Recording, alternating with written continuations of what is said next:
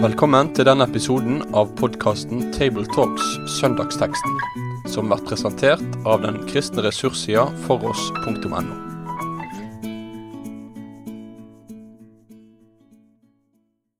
Da er det en glede å ønske velkommen til en ny Tabletalks. Og den gangen her er vi igjen samla i Trondheim. Og det er navnet mitt Endre Stene.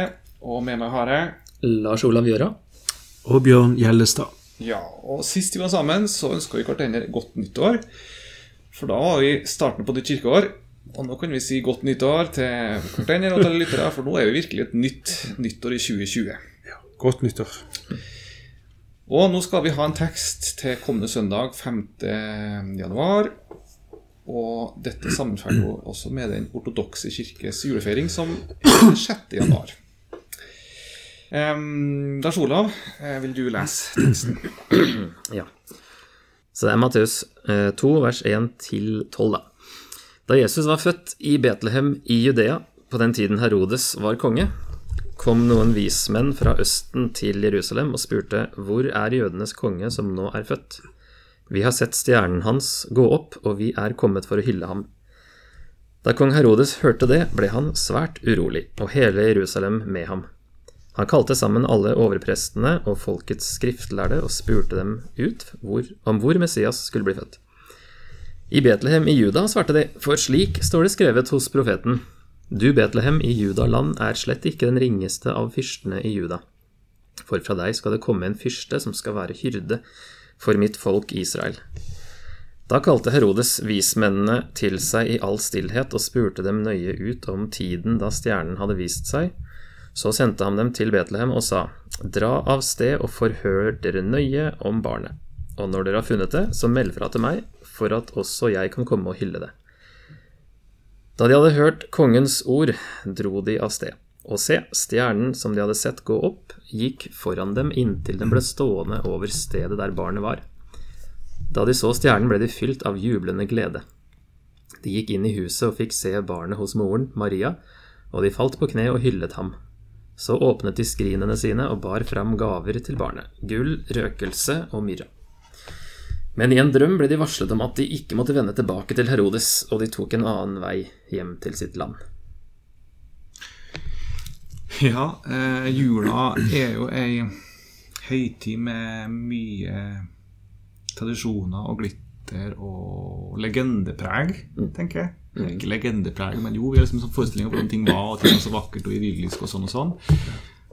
Og det gjelder jo også det- dette fenomenet med vise mennene, eh, som også laga mye legender rundt. Eh, både antallet og hva de het, til og med. Så det, det er litt sånn krevende, føler jeg, liksom nærme denne teksten å se hva det egentlig dette handler om. Ja. Eh, Men nå skal vi prøve i hvert fall å nærme oss litt hva det egentlig handler om, og hva som egentlig skjer her. Eh, Men litt om sammenlignet med andre evangelier, Bjørn.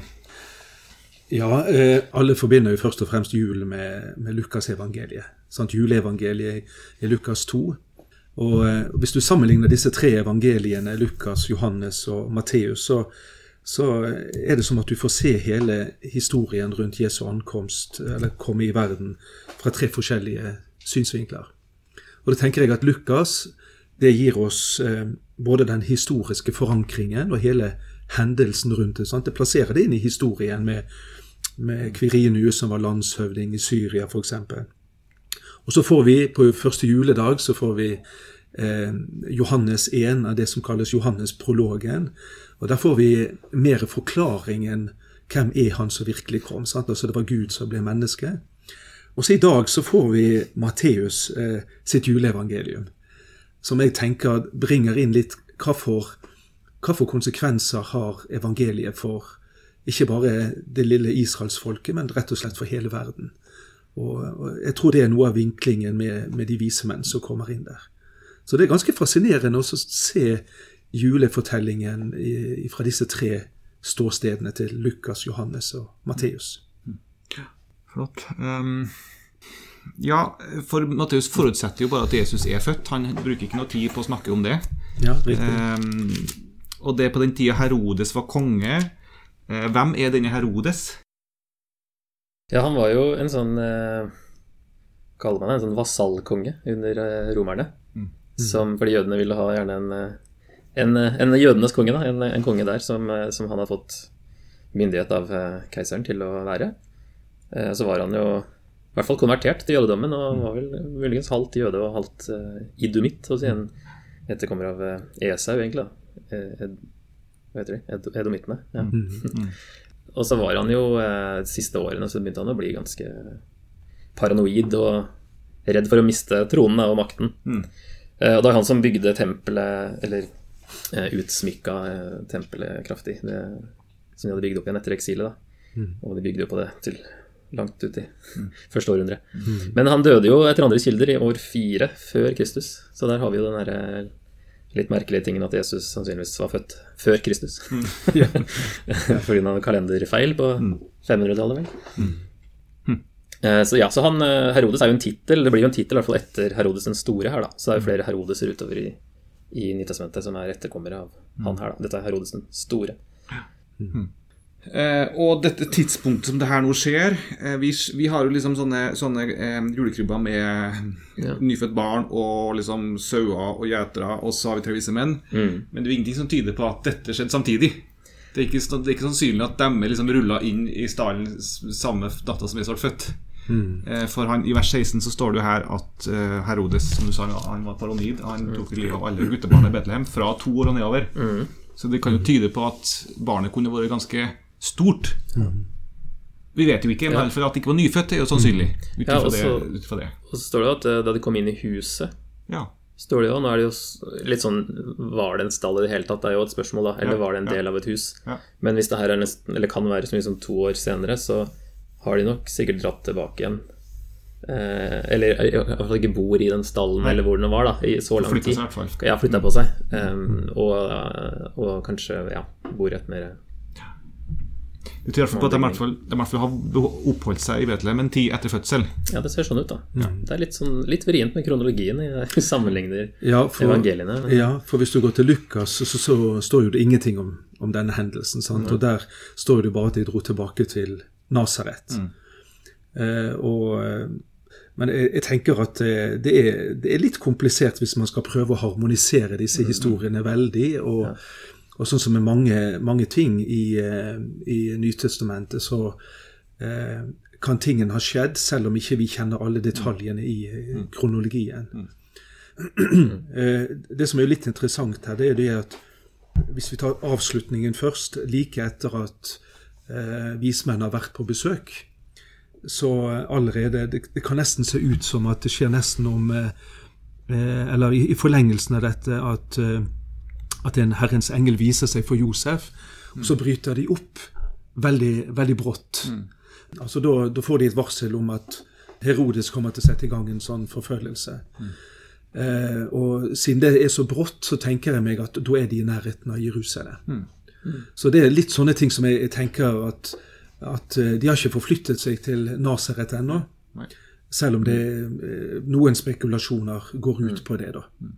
Så eh, Og så er det klart dette med, med stjernen. Eh, har den vist seg eh, like etter at Jesus har blitt født, eller en tid etter? sant? Men, eh, men jeg, jeg tenker det blir bare spekulasjoner, veldig mye av dette. og og Derfor slår jeg meg litt med tro. Ja, det skjedde. Ja. Og Jeg trenger ikke vite alle detaljene. Vi, vi vet jo ikke engang når på året Jesus ble født. Sant? Og, eh, og det er bare plassert eh, der på 300-400-tallet, så plasserte man det rundt eh, med, med den romerske eh, vintersolvervet. Sant? Så, eh, så jeg tenker at eh, jeg har ikke lyst til å grave meg for dypt ned i det, selv om det hadde vært interessant å finne ut av det. Men det viktigste er tross alt at, eh, at de kom. Ja. Men litt om dem som kom, da. Uh, vismenn. Hva, hvem er det for noen? Vi, vi, tradisjonen har jo antatt at de er tre sider og tre gaver, men det er jo egentlig ingenting som sier. Nei. Og De har altså til og med også fått navn, men det er jo også rene legender. Men hvem, hvem er dette for noen? Ja, de, eh, eh, Vi har jo heller ikke så masse opplysninger annet enn det som står i teksten. Og da tenker man at det er jo eh, Noen omtaler de som magere, en slags eh, blanding mellom eh, astrologer og astronomer. Eh, noen har omtalt de som slags trollmenn.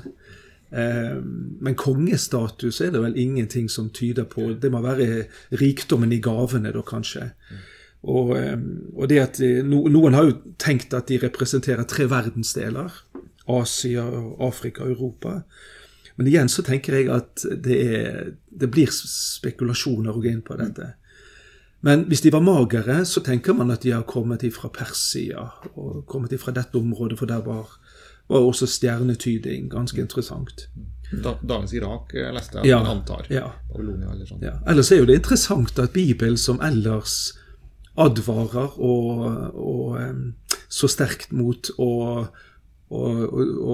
tyde framtiden i stjernene, så er det noen som finner Jesus på den måten. Og det sier noe om at det er det, er, det kan være mange veier frem til Jesus. Det, det tenker jeg som en sånn liten pekepinn i denne teksten. Så, um, så det syns jeg er litt interessant. Og, og vi vet jo ikke engang om dette er rene hedninger, eller om, for dette bodde jo også jøder ute i diasporaen, som de kalte det for, altså utenfor Jerusalems grenser. Om, om, det har vært, eh, om de har hatt kjennskap til den jødiske tro, det vet vi heller ikke så mye om. Det er ikke usannsynlig, etter det jeg i hvert fall har lest, at eh, altså, i og med at det bodde så mange jøder i diaspora Ja. som hadde en eh, messiasforventning, Ja. eh, så det er ikke usannsynlig at den messiasforventninga smitta over der de bodde. Og at de hadde en forståelse av at det skulle komme en Messias. Og at disse, disse vismennene var opptatt av det og Ja. prøvde liksom å finne ut av det. og bli helt på når de skjønte at nå skjer det. Ja, da, da vil jeg jo si at da har de kanskje blanda det litt. Altså, som du sier, da, at man skulle egentlig ikke drive med sånn Nei. fra Moseloven. Så da er det kanskje en sånn mer en, si, en sekulær eh, jøde si, i diasporaen som kanskje ville uh, blanda stjernetyding med Messias. Mm. Men det er en overraskende måte å finne Jesus på. Det er det. Absolutt. Ja. Men Det går jo an, og jeg syns jo òg det er litt interessant at, og, kanskje sier det litt om rekkevidden av Messias sitt komme, at det merkes i hele kosmos. At, eh, at selv eh, utenomjordiske fenomener, sant, som stjerner eller planeter, at det, at det gir et signal eh, som kan tolkes at nå er, nå er Messias i anmarsj. Jeg syns bare den tanken er interessant. For vi, vi ser jo det på hele Nytestamentet når vi kommer til åpenbaringen, at Jesu komme i verden og hans gjenkomst, det har kosmiske det har kosmisk betydning. sant? Altså han, Det snakkes jo om at han skal Og når han skal komme igjen, sant, så er det en ny himmel og en ny jord. Altså hele kosmos skal, skal gjenskapes. Så kanskje får vi en liten pekepinn på det her, da. Det er også noen teorier om, om hvordan denne stjerna oppsto. Flere teorier, annet en det var to Neptun og var det Jupiter, tror som gikk sammen på et tidspunkt og så skapte et lys. Såkalt konjunksjon, som det heter Ja. visstnok på fagspråk. Så Det ligger ressurser på foross.no også om det. Annet eh, Oddvar Hove skriver om det i sin kommentar, om hvordan det er ulike Ja. eh, modeller eller løsninger for det her. Men det bruker vi ikke tid på. Nei. Den rører på seg òg, da. Det er jo kanskje problemet. Ja, det ser ut som at en stjerne flytta seg. Ja. Uh, Så da, ja, Var det en overnaturlig stjerne, eller var det en sånn, et eller annet astronomisk? Det kan vi ikke vite. Men denne teksten har jo også noen sånne tydelige mm, hentydninger til GT. Ja, og uh, det er jo der du får det konge, kongene fra. Uh, for der nevnes det konger i Jesaja 60, for eksempel. Fordi den, den ligger liksom bak eh, vers 10 og 11, kanskje. Um, eh, fordi det, altså det, det, det er flere ting som ligger bak teksten her. Den tydelige er jo det de siterer fra Mika 5, men så er det også da noen ting som man kanskje ikke da eh, ser helt, for det er ikke et sitat, men det er noen temaer som ligger bak. da, Sånn som at eh, jeg snakker om et lys som skal gå opp, og, og herlighet, Herrens herlighet går opp over deg, står det i Jesaja 60.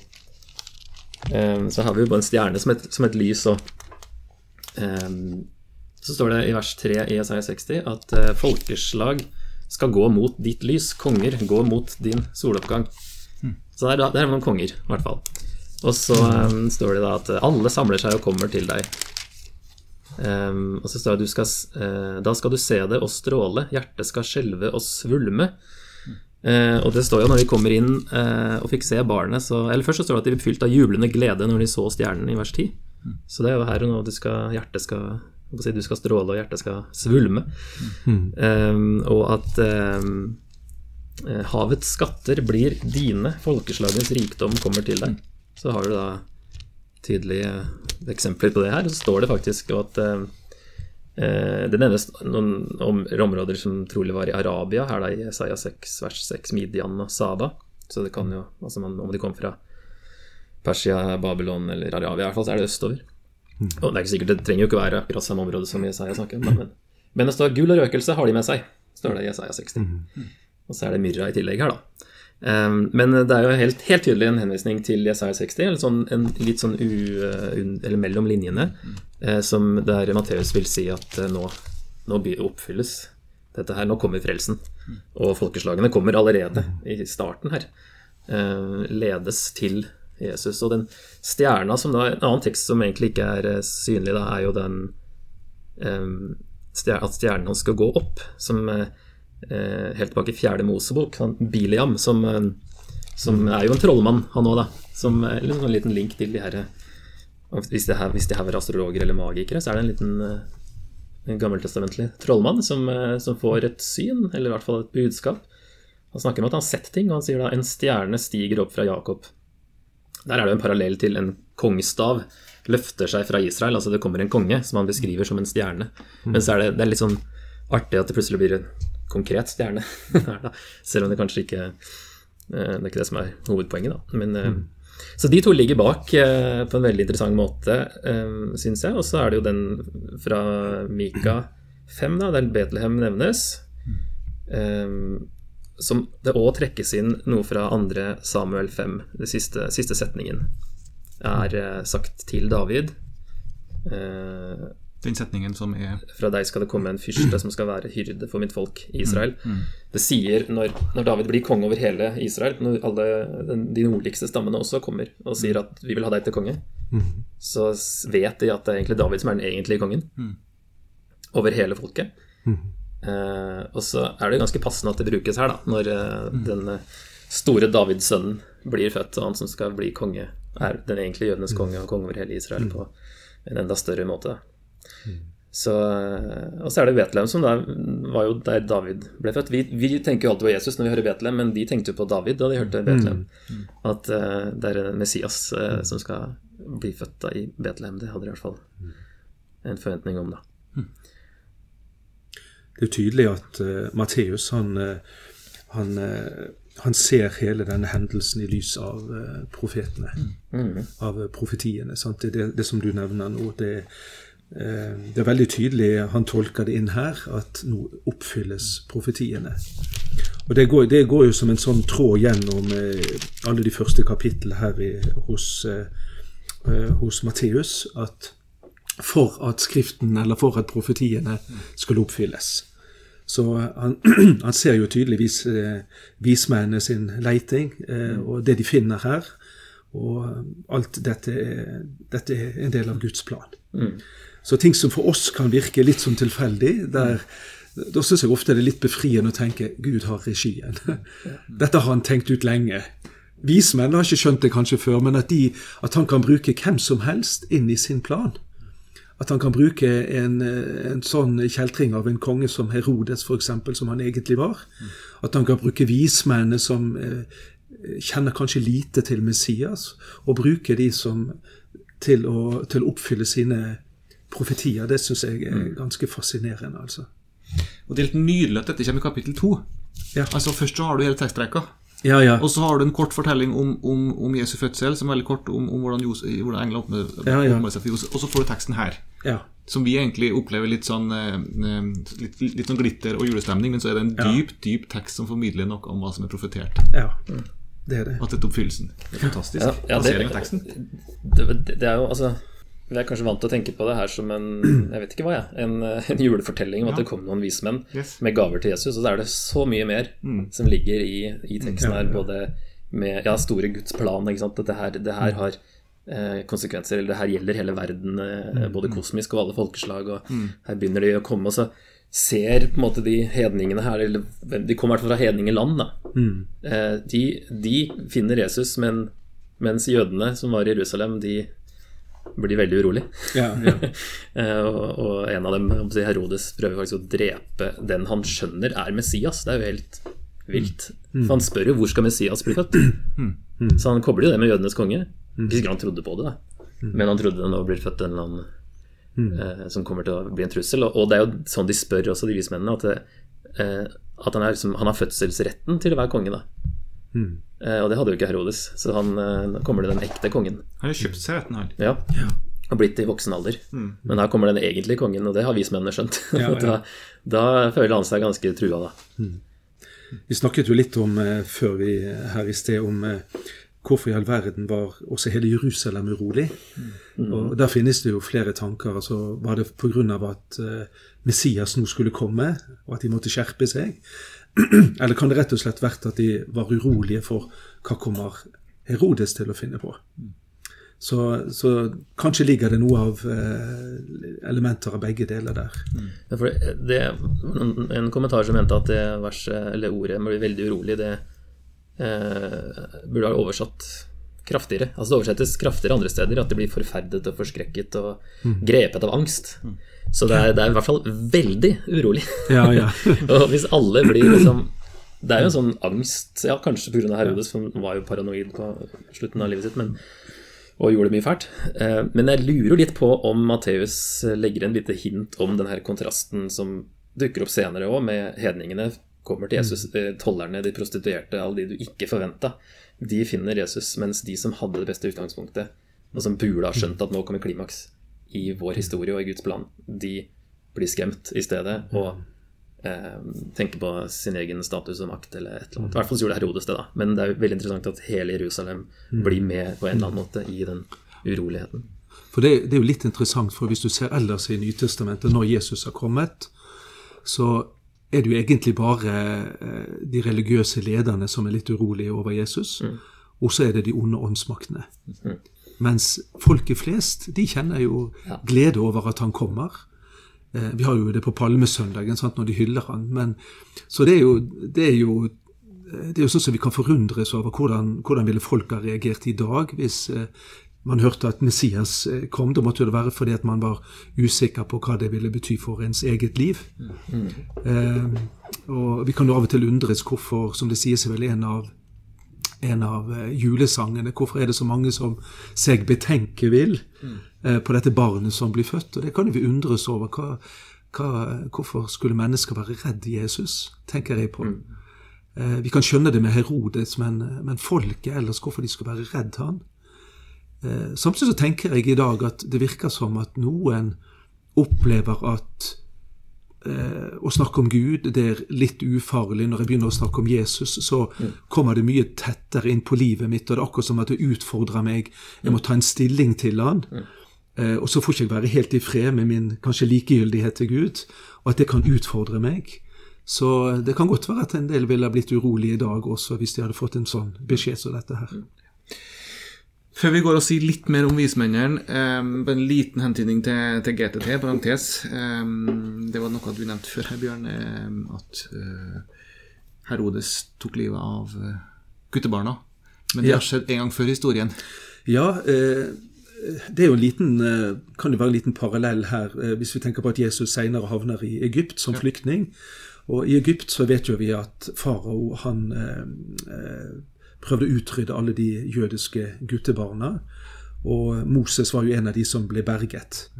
Sant? Og, og Moses han ble jo en eh, som en slags frelsesskikkelse i Gamle testamentet når han fikk føre israelsfolket ut. Og, og nå er det da i Nytestamentet den eh, verdens frelser som, som eh, blir forsøkt eh, utryddet.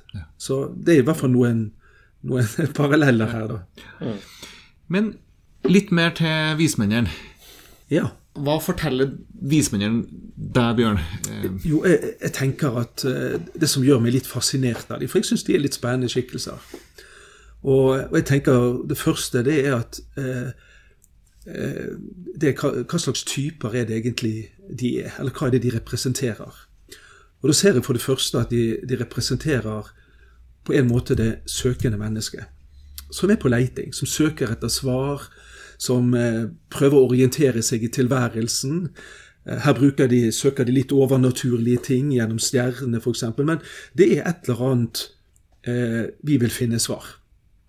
Og kanskje er det noe av det Augustin sier på 300-400-tallet, at mitt hjerte er urolig til det finner hvile hos deg, Gud. Og jeg tenker at det er, det er en sånn uro som, som Gud ikke har tatt vekk ifra oss, men som ligger der at vi trenger å forstå oss sjøl, vi trenger å forstå vår plassering i tilværelsen. Vi trenger å finne ut er det noe mer. Og det tenker jeg, Den, den eksistensielle uroen der, den tenker jeg er gudgitt. Mm.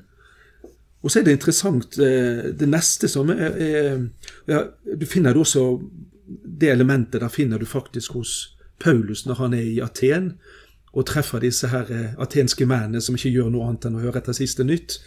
Og når han blir utfordret der oppe på Areopagoshøyden, så, så sier han om Gud at, eh, og kommer vel med et sitat av en, en av forfatterne der, at eh, det er i ham vi lever, rører oss og er til.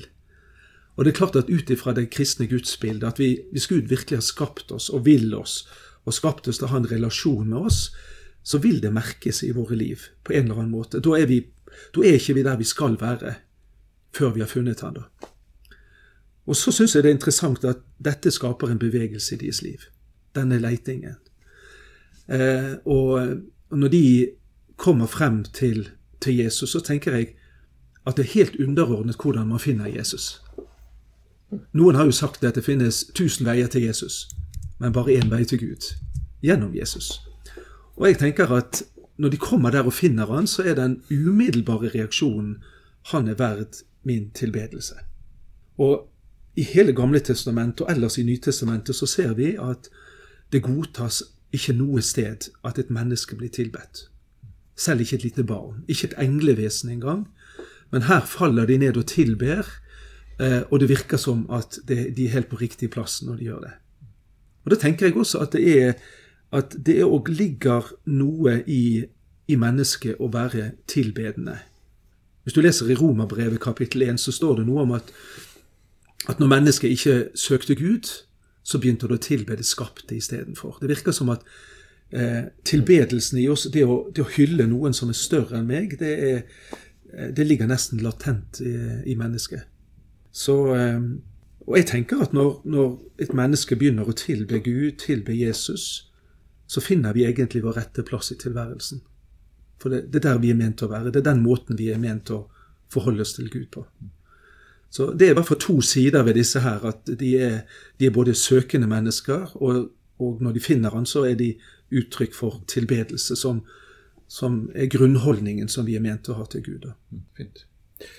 Og så er det ett trekk til som jeg synes eh, de her vismennene eh, forteller om, og det var Jeg leste eh, Luther sin, sin preken over der, og han poengterer hvordan eh, disse eh, hvordan de, de, er i sitt land. De eh, reiser da til Israel på grunnlag av en stjerne. De har en, de har liksom overbevisning om at det er noe her. Så tenker de hvis, de hvis de, skal finne en konge, så må de selvfølgelig til hovedstaden Jerusalem. Ja. Det er selvfølgelig der kongen er. Det er opplagt. Og så er det en konge der. Han, han, han, han, er ikke der, men så får han da beskjed om å reise til Betlehem. Men så sier Luther at hvis jeg har vært der, så har jeg selvfølgelig tenkt at jeg må gå til tempelet. Jeg går ikke til Betlehem. Mm. Men eh, det, det vismennene får, det er et ord. De får et løfte fra Mika. De får et ord å gå etter. Dere skal til Betlehem. Og på det går de. Mm -hmm. Og så sier Luther at det er jo sånn troen er. Den, den, går på tross av det man føler, og, og liksom opp, Eller føler, da. Tro, troen går ikke på følelsen sin, men, men den går på ordet. Mm. Og på Guds ord så går altså da vismennene til Betlehem. Mm. Og så får de stjerne da som et vitnesbyrd og som et tegn mm. på det. Men de går ikke på liksom følelsen men, og, og, og forstand, egentlig. Yeah. På tvers av forstand. På tvers av det fornuftige mm. så går de da til en liten filleby utenfor Jerusalem, og der finner de kongen. Og så er det også troen er som kjemper seg gjennom eh, alt som vi kjenner på, føler på og tenker. For mm. når vi holder oss til Guds ord, så finner vi Kristus der. Og Det syns jeg det er et veldig viktig poeng her, og det er at, at disse vismennene de må ha hjelp til å finne Jesus. Og, og, det sier meg også litt om, hvis du er tilbake til Luther, sant? han snakker om den naturlige åpenbaring. Altså dette at vi kan fornemme at det finnes en Gud. Gjennom, ja, gjennom erfaringen vår, gjennom skaperverket, så kan vi fornemme det må være eh, noe større. Men vi finner ikke automatisk Jesus på den måten. Han, der må vi ha forkynnelsen, der må vi ha Guds ord. Og det er gjennom Jesus at vi, han den, altså det er gjennom han at vi finner Gud selv. Altså vi, vi må ha den spesielle åpenbaring. Så det er akkurat det, Ja. det han sier. Og der sier også julesangen også står det sånn i delen av himmelblå, så står det i fjerde verset. Stjernen ledet vise menn til den Herre Kristus hen. Vi har òg en ledestjerne, og når vi den følger gjerne, kommer vi til Jesus Krist. Ja. Vår ledestjerne er, er Guds ord. Og så også fint trekk, og som Luther også poengterer eh, Jeg vet ikke hvor, hvor stort belegg han har for det, men det er i hvert fall oppbyggelig. det er det han sier, hvordan tradisjonen forteller om hvordan de tre gavene vitner om tre ulike sider ved Kristus. Ja. Hvordan det gylne offeret, altså, altså gullet, eh, vitner om at de har kjent Kristus som konge. Eh, røkelse, at han var prest, fordi de brukte røkelse i, i, i tempelet. Og myrra brukte man til å balsamere lik. Og hvordan det skulle være et vitnesbyrd om eh, at han skulle dø og begraves. Så kanskje så vismennene mye lenger fram ja. eh, og fikk se Kristus som frelser.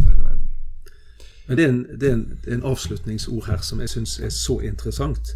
For som det sto i det helt siste avsnittet, eh, at de, blir, eh, de får en drøm, og så blir de varslet eh, om at de ikke måtte vende tilbake til Herodes. Og så står det at de tok en annen vei hjem. Og det syns jeg òg er litt interessant, at den som møter barnet, den som møter Jesus, så blir det en forandring, eller kan bli en forandring i våre liv. Og da tenker jeg om at det kan være omvendelsens vei da trekker vi det kanskje litt langt her, men, men det at Jesus bringer inn en forandring i våre liv, syns jeg også denne historien her. Og på en måte så ser vi at de får et valg mellom to konger. Skal de bøye seg for Herodes, den jordiske kongen, eller skal de bøye seg for dette kongebarnet? Og, og kanskje det er, det er også en utfordring i denne teksten, at Jesus utfordrer oss til valg, til troens valg. Han stiller oss på valg. Vil du gå den samme vei, eller vil du ta en annen vei? Og så tenker jeg, hvis vi skal strekke det ekstra langt, at hvis du vil finne hjem til Gud, så må du legge om veien. Den veien som Jesus viser. At han er veien, sannheten og livet.